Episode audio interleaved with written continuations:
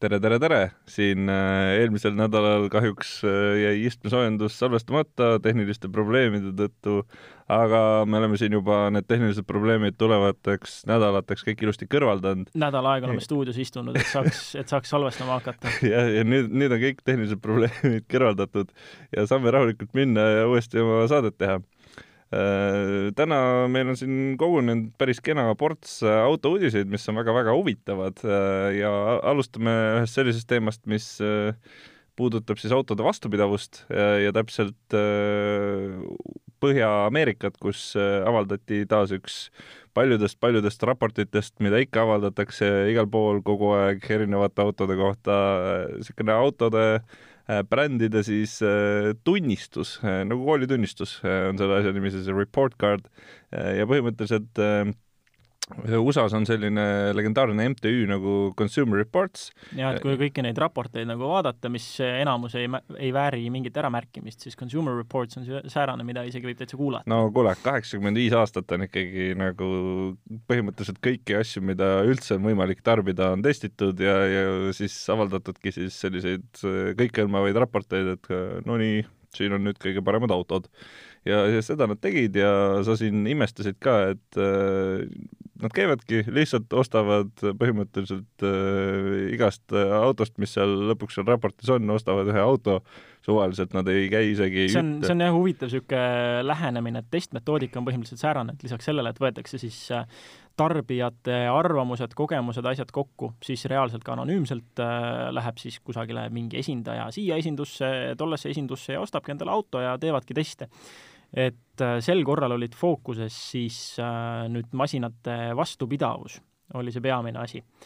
ja paar päris huvitavat asja tegelikult koorub välja, et see on äh, kindlasti huvitav info siin vanades uskumustes kinni olevatele Bentley endlitele ja kõigile teistele, kellel on väga välja kujunenud arvamused juba kõik autobrändide kohta, noh et et korealased ei ole ikka mingi auto ja noh, nii mõnigi iganenud asi, et sel korral siis nagu sinna tippu platseerus Mazda. mis sulle Mazdaga esimesena seostub väga,? väga-väga huvitav, selles mõttes, et äh, ma arvan, et üks kõige legendaarsemaid Mazdasid, äh, millega ma ise olen kokku puutunud väga palju, on Mazda kolm millest on ilmselt selline peamine Mazda vaenulikkus ka üldiselt Eestis võrsunud, aga tulles tagasi selle juurde, mis sa ütlesid, siis minu arust on tegelikult üldse huvitav see, et siin on, kui sa ütlesid, et on palju asju, mis on ümber lükatud, siis tegelikult minu arust on siin ka palju asju, mis on kinnitatud, mis on olnud sellise linnalegendi tasemel. ja noh, siin on see, mida ma Mazda juures silmas pidasin, peamine, mida kõik siin kiruvad, on see, et roostetavad ära ja sul kolme aasta pärast enam pole autot alleski, on ainult rehvid kusagil vedelevad nurgas.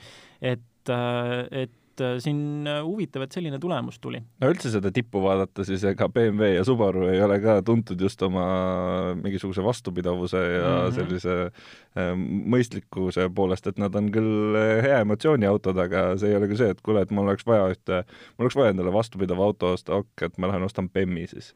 et niisugust no, nagu loogikat väga ei ole. see on äh selle uuringu tulemused selle koha pealt on jah, pisut nagu küsitavad, et nad ostsid ikkagi värskeid autosid, mingit pikaajalist järeldust, kaugeleulatuvat järeldust ju tegelikult teha ei saa. jah, et kas selle asja nimeks saab nagu öelda vastupidavus, et jah, et noh, need autod, mis nad endale kokku ostavad, nendega nad teevad jah, okei okay,, nad teevad sõiduteste, pidurdusteste, teevad siin äh, mingit kasutusmugavust, äh, kütusekulu ja kõiki asju logivad, aga see jah, seda ei saa nagu kuidagiviisi vastupidavuseks nimetada, et see võiks olla mõeldav siis, kui nad ostaksid need autod kokku niimoodi värskena, nagu nad praegu on, ja siis avaldaksid tulemused näiteks viie aasta pärast aga noh, kellele sellest enam nagu kasu väga on. kindlasti on kuskil mingi selline raport ka olemas, kas see on lihtsalt see konkreetne raport, see on nagu eraldi teema. ma arvan, et me peaks ühe saate tegema, kus me võtamegi kõik nagu erinevad raportid, mis aasta jooksul on erinevates väljaannetes ja erinevates nendes nagu kokku kogutud ja siis tegema sellest veel ühe nagu oma raporti, raporti..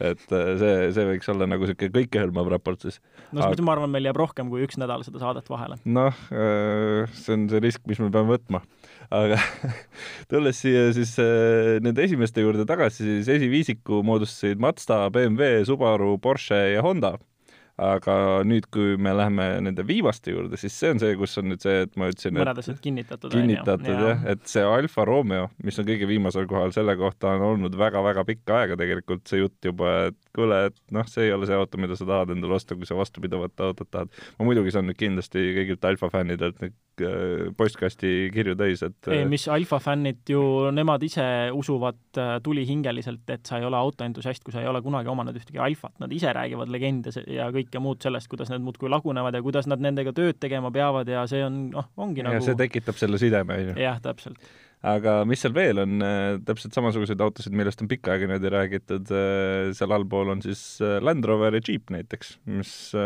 noh, nii palju, kui ma ise tean mõlema autoga kokku puutunuid, siis on täpselt needsamad probleemid, mis siin selles tabelis on.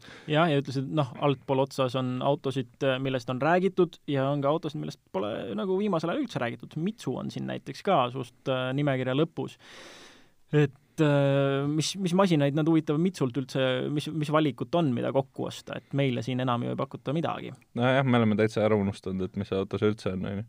ja noh, kukkus kõrgelt ka meil siin mittesaadav Hyundai luksbränd Genesis, mis oli eelmisel aastal koos Porschega siis sellesama raporti tipus, aga nüüd Genesis kukkus kolmteist kohta no vot, ja sina ütlesid siin nagu, et, et korealased on ikkagi head, on ju, siis mida see tõestab?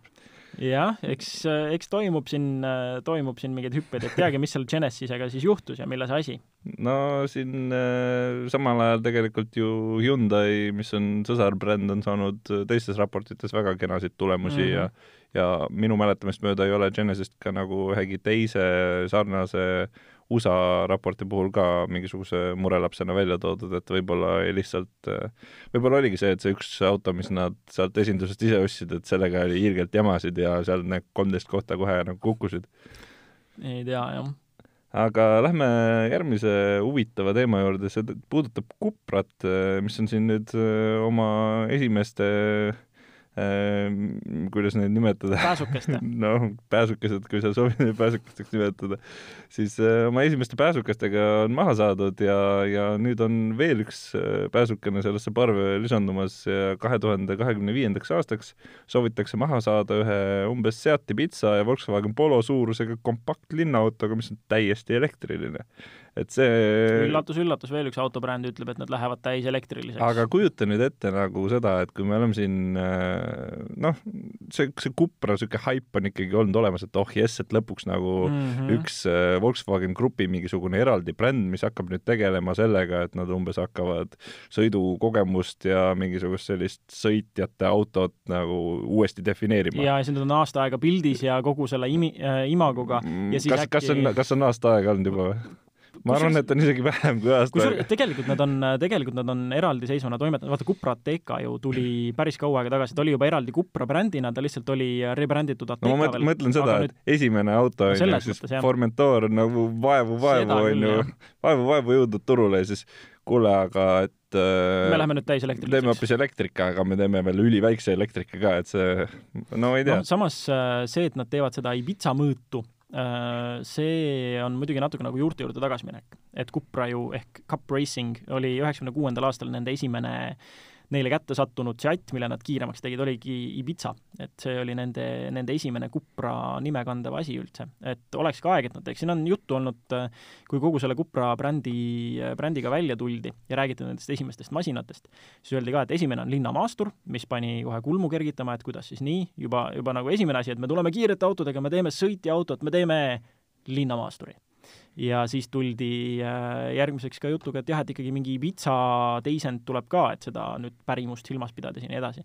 aga jah, vot seda, et see nagu siis noh, tõenäoliselt Ibiza nime siis kandma ei hakka, et äkki nad ikkagi selle lubatud Ibiza teevad mingi hetk ka päriselt veel ära. no siin on juba olnud tegelikult juttu veel ühest, et äh, kui sellesama äh, kompaktlinnaauto kohta veel suurt midagi teada ei ole, siis üks selline Cupra on veel nagu Cupra Elborn ehk siis see peaks olema Volkswagen Grupi esimene elektriline hot hatch mis on iseenesest niisugune päris huvitav kombinatsioon, et äh, see, see, selle puhul nagu tahaks täitsa näha, et millega nad äh, valmis saavad. sest ongi, potentsiaali tegelikult ikkagi on, et äh, siin äh, võime küll olla peast petroseksuaalid ja eelistada sisepõlemismootoriga autosid lõbusate autodena, aga elektriga saab kindlasti ka korralikult lõbutseda, et kui me juba siin ID3-ga sõitsime, on ju, siis noh, tagavedu ja kõik asjad, need eeldused on nagu olemas, et mis ta tahab saada tegelikult, et olla lõbus. no aga ID3-e probleem oligi see, et need asjad olid kõik ära kärbitud ja, täpselt, ja kuna see, kuna see Elborn tehakse sama, sama selle põhja peale, siis ega mis seal on, võtad,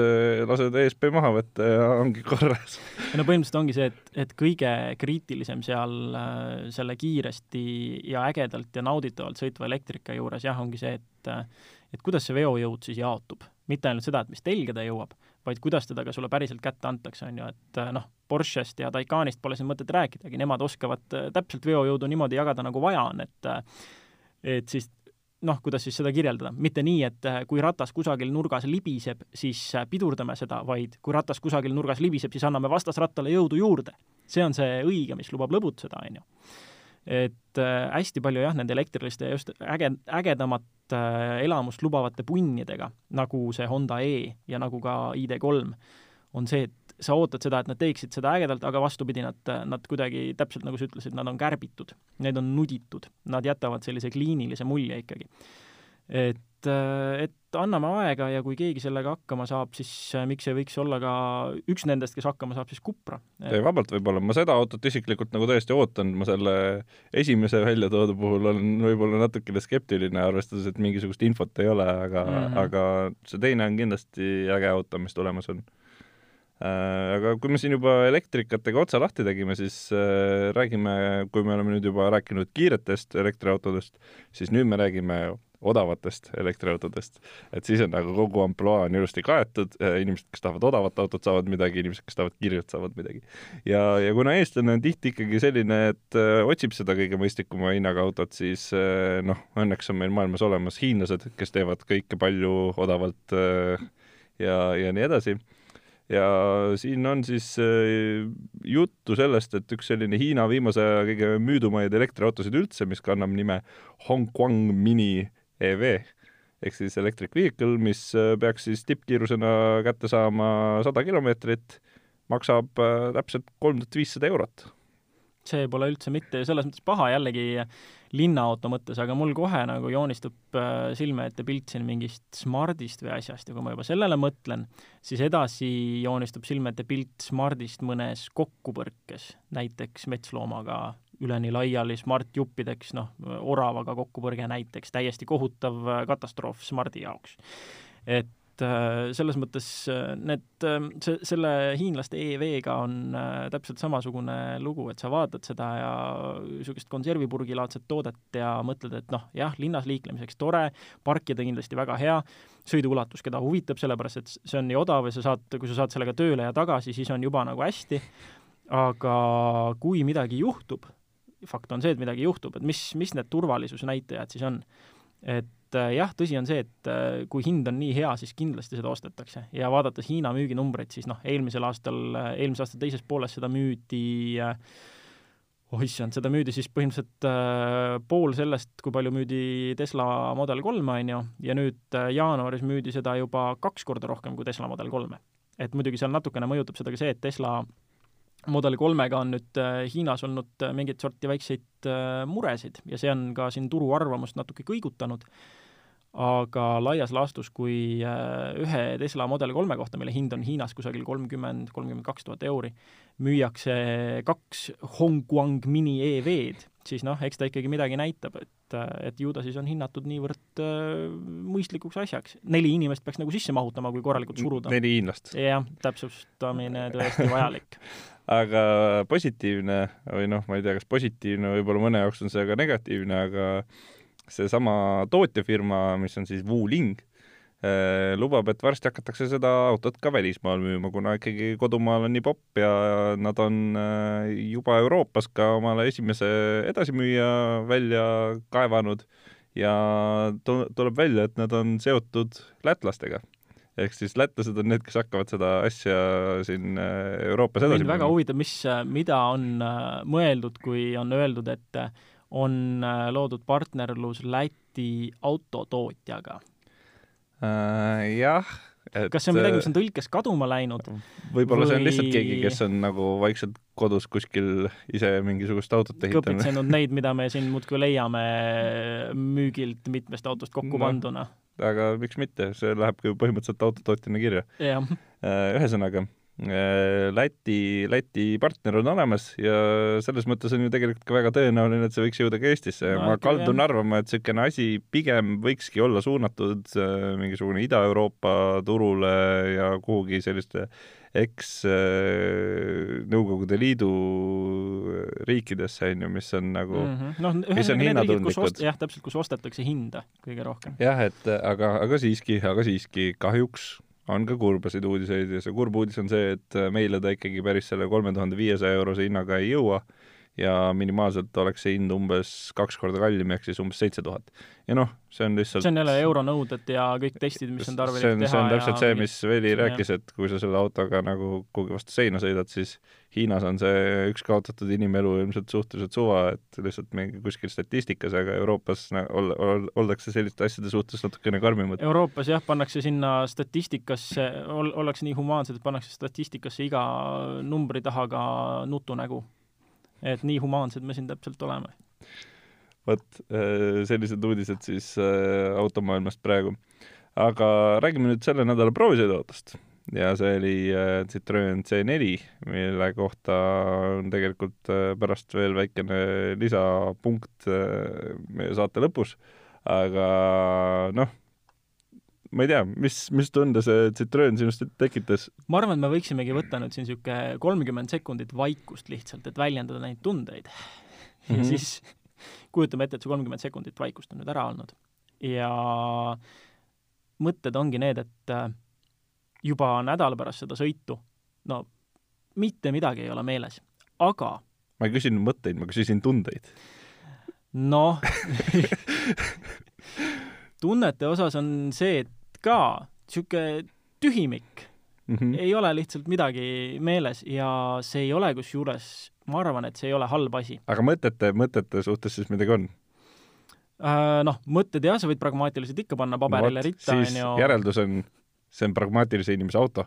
kui tunded ei ole ja on ainult mõtted täpselt, äh. nagu see sama asi, mida ma olen paari auto puhul pidanud rakendama ja ma arvan, et kui ma õigesti mäletan, siis see ei ole esimene Citroen, mille puhul ma olen pidanud seda lauset ütlema et kui pärast proovisõitu ei ole sul öelda peaaegu midagi, meeles ei ole peaaegu midagi, aga ei ole ka halbu asju, mille kallal vigiseda, siis laias laastus tõesti, see on täpselt selline praktiline, mõistlik äh,, mõistlik auto.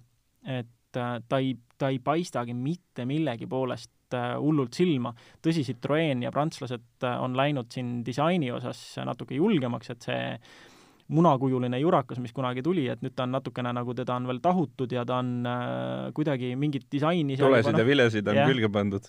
et, et ta on äh, ütleme, ta on, äh, ta ei ole enam selline kole äkapläkk nii hullult võib-olla, vaid teda on juba millegi, millegi moodi tehtud. ta no. selles mõttes, see on võib-olla üks asi ja aga noh, laias laastus on tõesti see, et ta on lihtsalt et mis iganes aja, mis sa võtad, äh, nende hulgas, mida pakutakse, meil oli diiselmootoriga versioon, ta on selline säästlik, ta on äh, mitte pika reisi auto, aga täiesti mõistlik nelja inimese mahutamiseks ähm,, igakülgselt pragmaatiline, aga ta ei ole tõesti jah, selline ütleme, emotsiooniauto.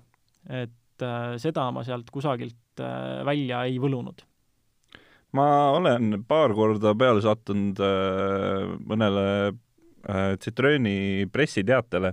Ja kui tavaliselt on pressiteated täis sellist äh, hästi äh, maksiimideni nõratavat juttu kõigest, mis on auto juures ülihea, üliuuenduslik ja nii edasi, siis Citroeni pressiteadete puhul on täpselt sedasama malli näha, et noh, et mis me nüüd nagu, mis me ütleme, et mida me siis nagu aga siis ongi jah, ütleme et... lihtsalt ja lakooniliselt ära ja noh, ma, ma kusjuures väga, väga tervitaks seda, kui keegi, kui kusagil mõni autofirma koos oma turunduspartneritega võtaks ja otsustaks, et nii, me nüüd teemegi väga lihtsalt, lakooniliselt, otse öeldes, me ei kasuta siin mingisuguseid äh, täiendeid, mida kasutavad siin koolilapsed, kui neil on essees vaja tuhat sõna täis saada, me ei hakka siin panema igale poole dünaamiliselt, isegi siis, kui äh, auto kusagil teeservas seisab. me ei hakka siin kasutama mingisuguseid äh, meeletuid üle võlli keeratud jutte sellest, kuidas see on kõige kõigem, vaid me räägimegi täpselt seda, milleks auto mõeldud on, mida ta teeb ja mida ta sellest hästi teeb ja siis lisaks veel seda, et mis me võib-olla uuendanud oleme. Ja ei mingisugust niisugust mõttetut täidet see oleks tegelikult väga tore lähenemine, see Citroen C4 on täpselt selline masin, et ei mingit mõttetut täidet, kõik on seal mingil eesmärgil, nad täidavad oma eesmärki ja ta ei ole üle võlli mitte ühestki otsast mm. -hmm. ma ütleks, et ühest otsast ikkagi on. see on see äh, kõiksugu niisugune, ongi seesama disaini pool, et minu arust oleks täiesti okei okay,, kui see olekski lihtsalt auto äh,, täiesti tavaline auto mõistlikule inimesele, mitte midagi üleliigset, mitte midagi puudu, aga see, just see, et ma, ma tunnen, see disaini asi ongi täpselt seesama asi, et okei okay,, et me ei saa öelda, et auto on mingi hullult kiire, me ei saa öelda, et auto on hullult säästlik, me ei saa nagu, meil ei ole mingit sellist nagu väga-väga tugevat müügiargumenti mm. aga siis äh, otsustatakse, et okei okay,, me hakkame nüüd leiutama midagi, me hakkame mingisuguseid värvilisi mingeid plönne igale poole ümber panema ja me anname inimestele võimaluse nagu midagi valida ja siis me mm -hmm. üritamegi seda müüa. ja see on nagu see on vist see, mida meie siinpool äh, külmemas kliimas nii hästi ei mõista võib-olla, me oleme jah, et Prantsusmaal võib-olla on see, on, on, ongi see mingi müügiargument, on ju. ma arvan, et selle pär- ja seal, seal nad müüvadki tõenäoliselt selle tõttu väga hästi, aga meile see kuidagi ei, mul on tunne jah, et see ei lähe siin niimoodi peale. me tahaks, tahamegi seda tahaks külma... ühte halli äh, diisel äh, seda me tahame külma, pragmaatilist ja mõistlikku äh, ja kui on midagi ülihead, siis noh, siis see peab silma paistma ja me peame teadma, et see seal on, aga muus osas olgu lihtne ja lakooniline, et selle koha pealt jah, see disain võib-olla tõesti eestlasele mõjub natukene, natuke teistmoodi. et äh, Peugeot selle koha pealt minu jaoks kõnnib natukene kuidagi paremat sammu kui Citroen mm. -hmm. aga kum-, midagi häirivat kuidagi selle C4 juures nagu ka ei ole.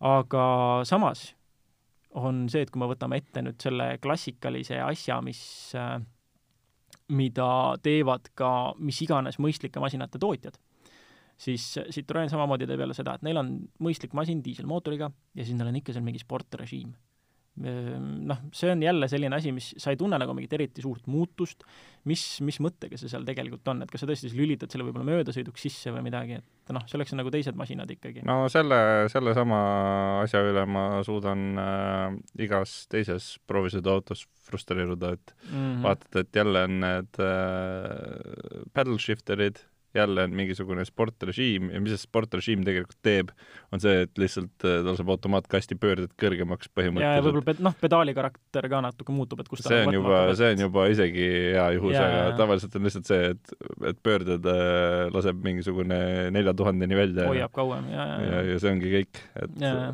aga siin veel sellest jah, et kui me räägime sellest keskmisest autost ja selle müümisest, on ju, nagu sa teema tõstatasid, et siis noh, ongi, sul on üks viis seda teha nagu Citroen, et sa rõhud sellele disainile, on ju, ähm, kui nüüd mõelda näiteks äh, noh, mis on keskmiste keskmiseim, on äh, meie, meil siin standardiks Škoda, on ju. mida nemad teevad, on ikkagi see, et nad küll äh, turundavad ennast kui ka sellist kõigile sobivat autot, aga nad meeletu kogus varustust, peaaegu terve auto hinnajagu saad siia-sinna seda varustust mängida, on ju et sa saad võtta oma selle keskmise keskmise ja siis teha sellest ikkagi mingisuguse luks äh,, luks lähenemisega luks asja. keskmise keskmise. et, et selles mõttes, et see on nagu üks, see on nagu teine põnev lähenemine. et sa annad lihtsalt nii palju valikuvariante, et sa katad nii palju asju ära ja siis sul on see lähenemine, mida teeb Citroen, et neil on mõistlik, mõistlikult säästlik, pragmaatilise inimese auto ja siis on äh, need disainilahendused, mida sa saad hullult siin lapata siia ja sinnapoole ja valida endale mingisuguseid sisu, mis iganes erinevaid viimistlusi ja asju, polstreid ja mida iganes. aga võib-olla siin lõpetuseks äh, paneme need mõistlikud numbrid ka siia lauale, et äh, tegelikult seal on kolm varustusklassi C4-l ja hind hakkab viieteist tuhande üheksasaja juurest ja läheb umbes kahekümne kuue poole tuhandeni välja, et seal on igasuguseid erinevaid Äh, on võimalik manuaal, automaat, äh, bensiin, diisel ja tegelikult peaks ka elektriline olema, mis mingisugu-, mingisugusel hetkel veel jõuab, aga hinnakirjas praegu ei ole, et, äh, et palju see maksab, noh, me siin enam-vähem kujutame ette, et ilmselt ta jääb kuhugi sinna mingi kolmekümne ringi. ja noh, ütleme et... lisab siin tipp, tippversioonile kusagil veel mingi viisteist protsenti, nagu mm -hmm. kombeks paistab olevat. no et äh, hind on ka tegelikult väga, väga mõistlik ja keskpärane mm, -hmm. et nagu, nagu kõik muu, et selles mõttes äh, väga, väga well-rounded auto, et mm -hmm. lihtsalt võta ja, ja võta üks keskmine auto ja keskmisele inimesele täitsa sobiv äh,. aga ma siin enne lubasin, et me saame C4-st veel siin äh, auto lõpuosas või tähendab, saate lõpuosas rääkida ja me räägiksime Euroopa aasta autost, äh, mis siin sai just äh, värskelt valitud, aga enne seda mainin ära ka selle, et finalistide seas oli ka Citroen C4 ja kahekümne üheksa auto seast see valiti, seitse finalisti, nii et tuleb välja, et ikkagi ei ole keskmine auto, saime siin praegu nagu kõva ninanipsu iseenda saate lõpus. Aga, aga kui äh, nende finalistide juurde tagasi tulla, siis mis seal lisaks sellele Citroen C4-le veel olid, nagu me oleme siin juba korduvalt igasuguste äh, autotiitlite valimise puhul rääkinud, siis äh, see nimekiri on nii puder ja kapsad, et osad autod on nagu sellest aastast, osad autod on eelmisest aastast ja nad nagu kõik on kuskil noh, näiteks Volkswagen ID3, mis mm -hmm. on ju mhm. tegelikult olnud nagu turul ikka päris hea tükk aega juba, onju Äh, mis seal veel oli, äh, Land Rover Defender, äh, Fiat viissada, Cupra, millest me siin rääkisime, seesama Formentor, Škoda Octavia ja Toyota Yaris, vot selline kompott, väga paljud nendest on ju tegelikult ongi äh, Äh, mõistliku inimese autod on ju koguni kolm tükki seitsmest finalistist, on ju. et mm -hmm. või noh, ma ei tea, kas Fiat viissada on ka mõistliku inimese auto, ma vist teda sinna ei liigitaks. see on jälle meie siin äh, regiooni teema vast, et meil ei ole siin sellist Fiati hullust, mis jällegi on, kui sa nagu lõuna poole vaatad, et seal ikkagi need äh, Fiat viiesajad on linnapildis väga levinud. no Citybiga kuidagi... sõitmine võib ka ju finants mõttes nagu olla suhteliselt mõistlik võrreldes auto omamisega, et selles perspektiivis võib-olla küll, aga aga kes see siis võitis lõppude lõpuks, see on nüüd see küsimus, on ju? noh, kes on lugenud ja vaadanud, see tegelikult teab juba. et võitis jah, mõistlik auto Toyota Yaris ja teise koha saigi siin mainitud Fiat viissada, mis on meile natukene siin selline ootamatu võib-olla või harjumatu, sest et noh, meil ei olnud seda isegi mitte siin aastaauto valimisel, kui me Eesti aastaautot äh, valisime. ja kolmanda koha sai siis Cupra Formentor. et et äh, täitsa selline huvitav nimekiri ja noh, kui vaadata veel, palju siin Eesti aasta autoga kattus, on ju, siis äh, Eesti aasta auto valimisel samamoodi lõplikus valikus oli ju Škoda Octavia oli sees, Toyota Yaris oli sees äh, ja Land Rover Defender kusjuures oli sees. oli, Defender oli vist teine koht isegi, kui ma õigesti mäletan, on ju. ühe punktiga Taycani taga mm. -hmm ja noh, selles mõttes, mis siin selle Yarise kohta öelda, et äh, mina ju panin Yarise ka oma nimekirjas Taycani järel teisele kohale siin Eesti aasta auto valimisel ja seda ikkagi põhjusega, et ta ongi täpselt see, et kui sa võtad äh, ette need uudismudeleid, mis on tulnud, ja sa vaatad just selle pilguga, et mis oleks siis see, mis oleks siis säärane mõistlik auto, mida tahaks endale igapäevamasinaks, mis täidaks kõik vajadused, oleks samas äh, soovi korral ka täpse ja kindla juhitavusega. Ja pakuks ka säästlikkust. Ja noh, ühesõnaga täidaks kõik sellised mõistliku inimese vajadused, siis ja oleks seejuures ka endale, enda silmale ilus vaadata, siis Yaris paraku kõigist nendest masinatest jättis sellise mulje, et see võiks täpselt kõiki neid asju kõige paremini täita. et äh, mina näiteks Citroen C4 sellise pilguga ei vaata. ma ei teagi, mis seal see nagu nii väga vastu hakkab või miks see Toyota rohkem, äh, rohkem peale läheb, aga see on see on, see on kõige rohkem vast seotud selle juhitavusega et äh, kui sa meie Yarise proovisõitu mäletad, sa viisite ka vist mingitele kurvilistele, on ju.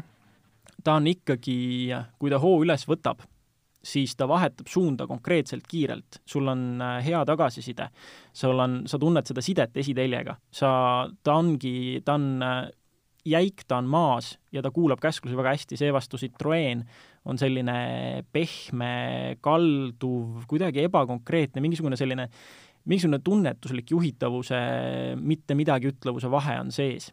ja just seetõttu ma seda Yarist ka hindasin ise kõrgemalt. et äh, soovi korral tal on olemas see, see konkreetsus ja hea konkreet-, hea täpne juhitavus, mida sa praegu siin äh, väga paljudel moodsatel esiveolistel äh, leiad. et noh, vanasti oli tõesti see, et sul on, kui sul on selline massitarbeauto, siis juhitavus oli noh, see oli kusagil prioriteetide lõpus.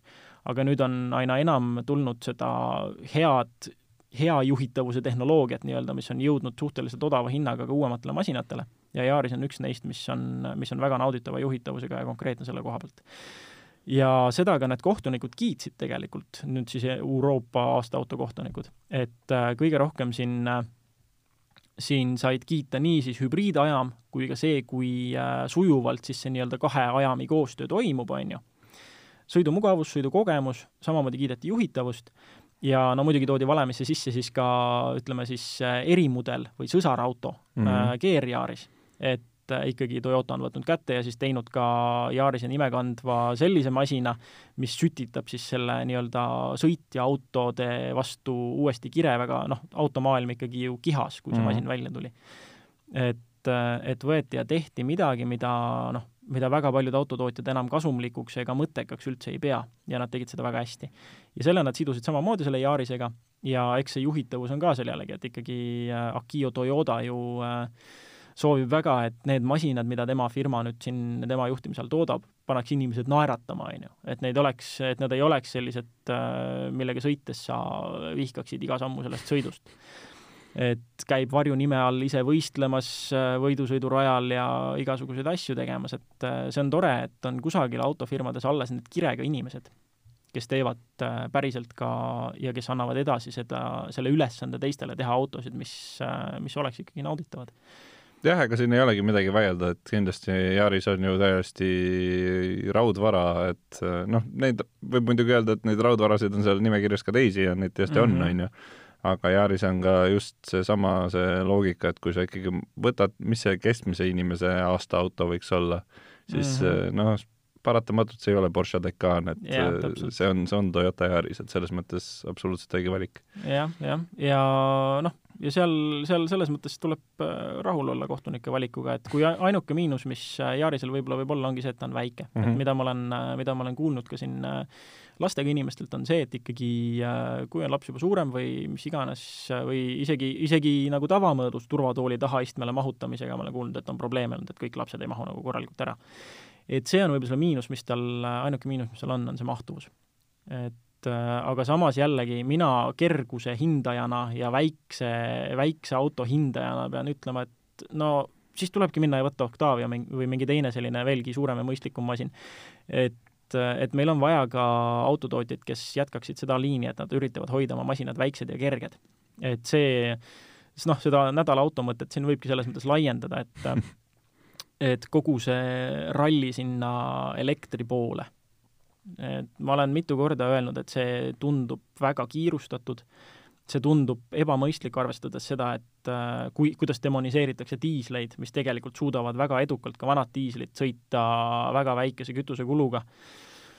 et äh, noh, kuidagi see jälle selline ametnike ja Excelite toimetamine on see elektrile üleminek, et ähm, et see kiirustamine, ma ei tea, kas sellel on nagu niivõrd, äh, niivõrd suurt, niivõrd suurt mõtet taga. Et selle koha pealt siin äh, miks mitte sõita lõpuni neid vanemaid toredamaid masinaid, pluss veel mass, massi lisandumine on jällegi asi, mis põhjustab seda, et vaadates, kuidas siin ajapikku äh, paisusid autod turvanõuete ja igasuguse mugavusvarustuse toel, paisusid massid, tulid suuremad mootorid, ohoo, heitmed kasvasid, nüüd tuleb hakata midagi maha tõmbama, aga massid ja kogu see noh, mugavus, mida inimesed tahtsid, jäid ju samaks. et tegelikult äh, mina väga igatseks seda, et meil oleks jälle selliseid alla tuhande kahesaja kilogrammiseid autosid saadaval, mis on äh, väga mõnusad sõita, hoolimata sellest, mis mootor neil seal vahel on ja mis on väga säästlikud, sest tavaliselt nad on väikse mootoriga. et äh, kahju, et meil äh, asi selles, selles suunas areneb jah, nüüd see kogu äh, teema muidugi arenes väga filosoofilisel radadel, aga aga eks filosoofiat on ka elus vaja ja ka autofilosoofiat, sest muidu need kerged autod ju tagasi ei tule. aga selline saade meil täna oli. Äh, loodame, et tehnilisi viperusi äh, järgmisel nädalal ka ette ei tule ja saame juba mõnusalt teie kõrvadesse uuristada ennast. et nägemiseni ja kõike paremat! aitäh!